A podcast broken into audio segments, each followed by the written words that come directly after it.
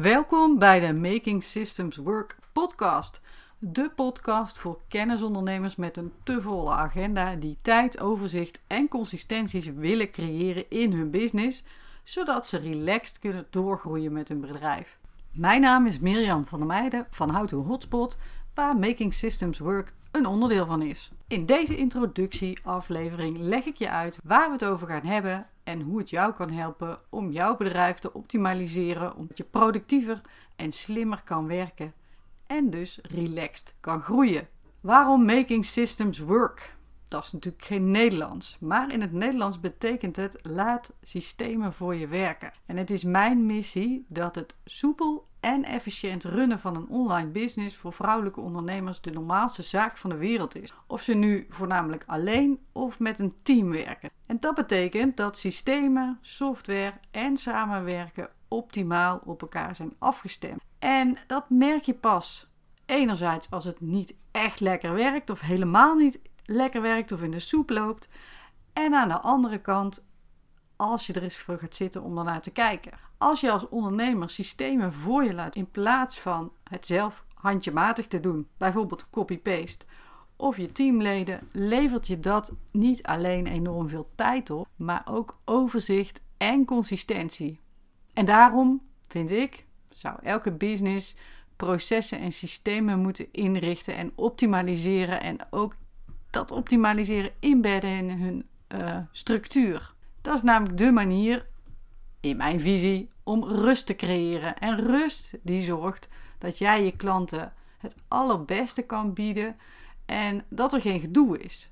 En rust ontstaat als duidelijk is wat waar staat, wat waar te vinden is, wie waarvoor verantwoordelijk is en wanneer de dingen klaar moeten zijn of gedaan moeten worden. Kortom, rust is eigenlijk randvoorwaardelijk om relaxed te kunnen groeien met je business. En zoals ik eerder al zei, om die rust te creëren heb je drie componenten nodig: business systemen, passende software bij die systemen en slim samenwerken.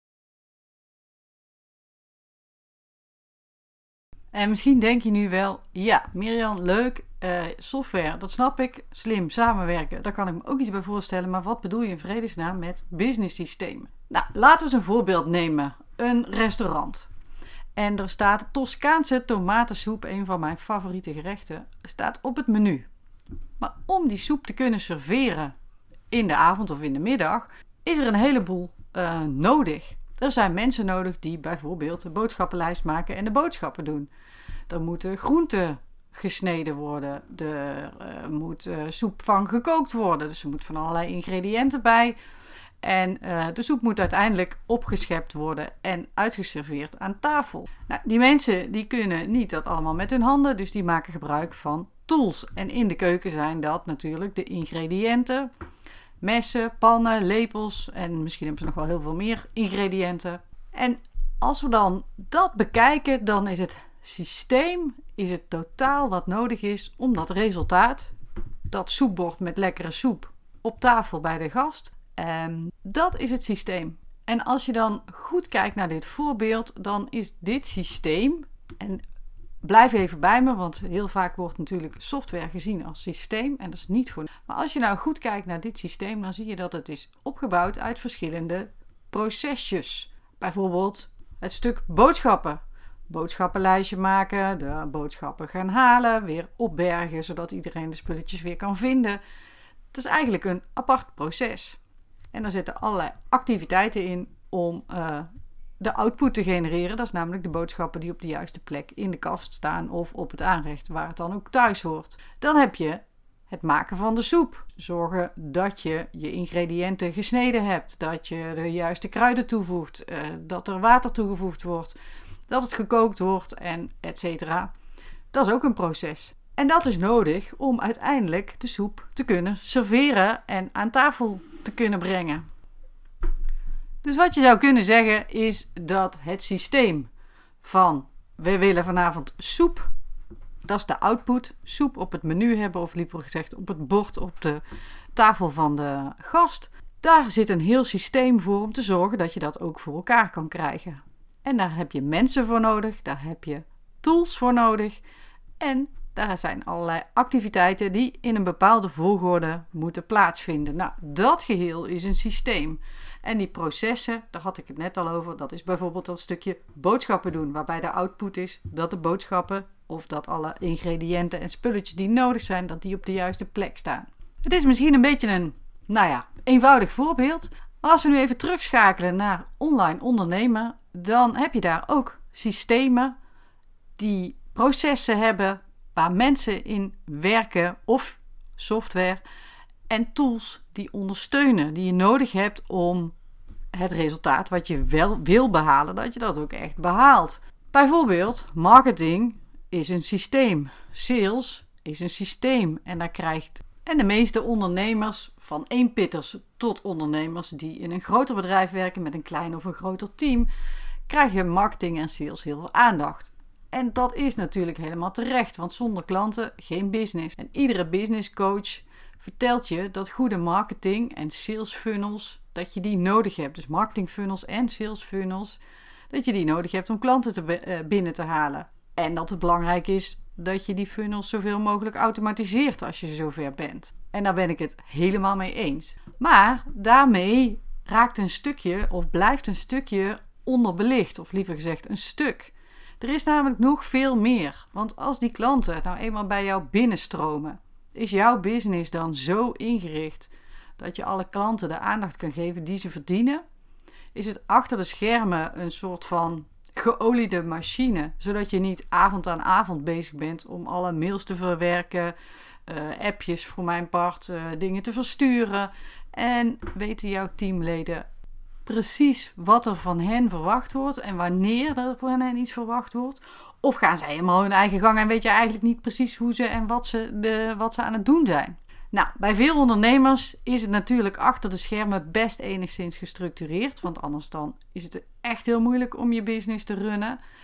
Maar het is vaak niet genoeg om te kunnen opschalen zonder stress. En hoe jij je bedrijf achter de schermen strak organiseert met processen en uh, netjes uitgewerkte activiteiten automatiseren waar mogelijk is.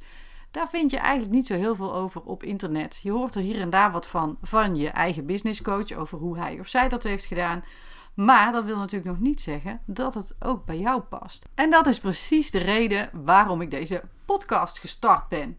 Want in deze podcast duiken we vooral onder de motorkap, oftewel achter de schermen van je bedrijf. Want daar ligt de sleutel voor succesvol online ondernemen en relaxed groeien. En ik deel ervaringen van klanten, van mezelf, maar wat ik ook super leuk vind, is uh, interviews met online ondernemers die best een business hebben opgebouwd en die geven ons een kijkje achter de schermen.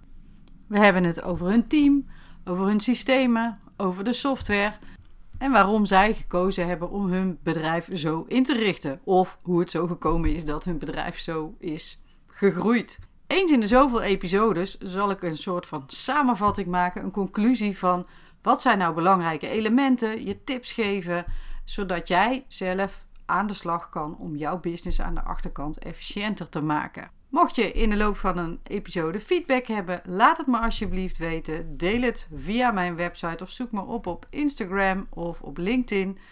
En ik ben benieuwd naar jouw feedback. Het is een reis die ik aanga, deze podcastserie, want het is de eerste aflevering. En uh, de interviews komen hierna. De resultaten van die interviews ga ik uiteindelijk verwerken in een boek later dit jaar. En mijn belangrijkste intentie is om te zorgen dat ondernemers, en of ze nou eenpitters zijn of met een klein team werken, veel meer structureel aandacht besteden aan het structureren van hun business achter de schermen of onder de motorkap. En niet alleen de focus leggen op marketing en sales. Juist omdat je, als je die achterkant goed in elkaar hebt zitten, wat verder afstand kan, zou kunnen nemen van je bedrijf dat je gemakkelijker en relaxed kan groeien en dat je teamleden ook gemakkelijker kan vervangen als ze vertrekken bijvoorbeeld. Deze podcast verschijnt als podcast en binnenkort ook op YouTube. En um, ik publiceer ze altijd eerst op mijn website. En ik deel ze ook op Spotify, de Apple Podcast en de Google Podcast. Dus waar je ze ook maar wilt luisteren, dat kan. Um, dit is het voor nu. En ik zie je graag terug in een volgende aflevering.